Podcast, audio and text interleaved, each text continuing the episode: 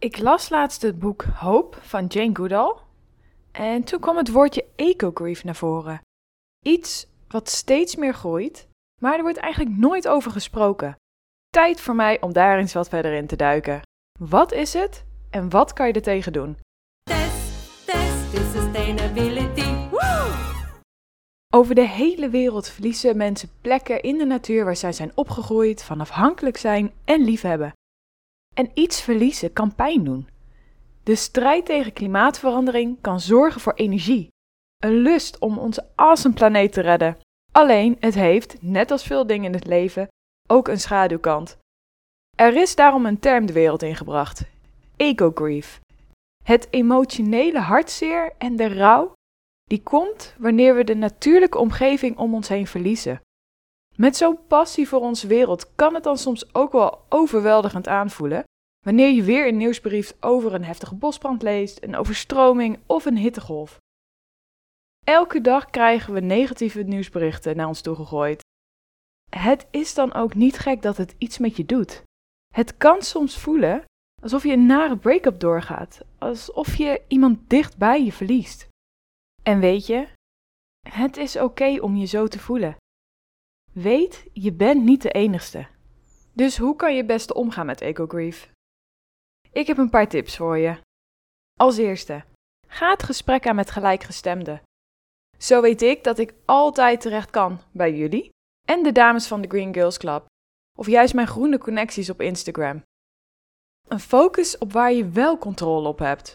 Zo kan een actie een gevoel van hoop opwekken en ons helpen ons wat minder hulpeloos te voelen.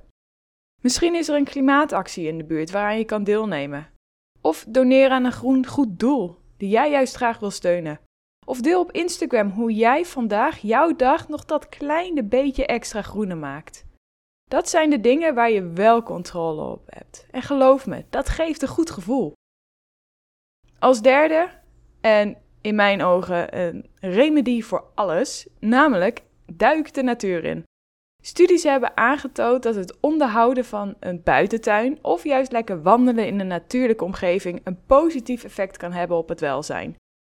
Vooral het groen doet het heel erg goed. Dus breng een bezoek aan het park, de bossen of maak je handen lekker fel in de moestuin. Tip nummer 4. Limiteer even jouw mediagebruik.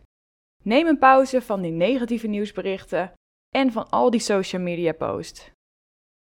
En de laatste tip: schrijf het van je af. Ik ben zelf een groot fan van een dagboek bijhouden, of om de hippe term even te gebruiken, journalen. Als het je allemaal even te veel wordt, is het namelijk een hele mooie manier om je zorgen op papier te zetten.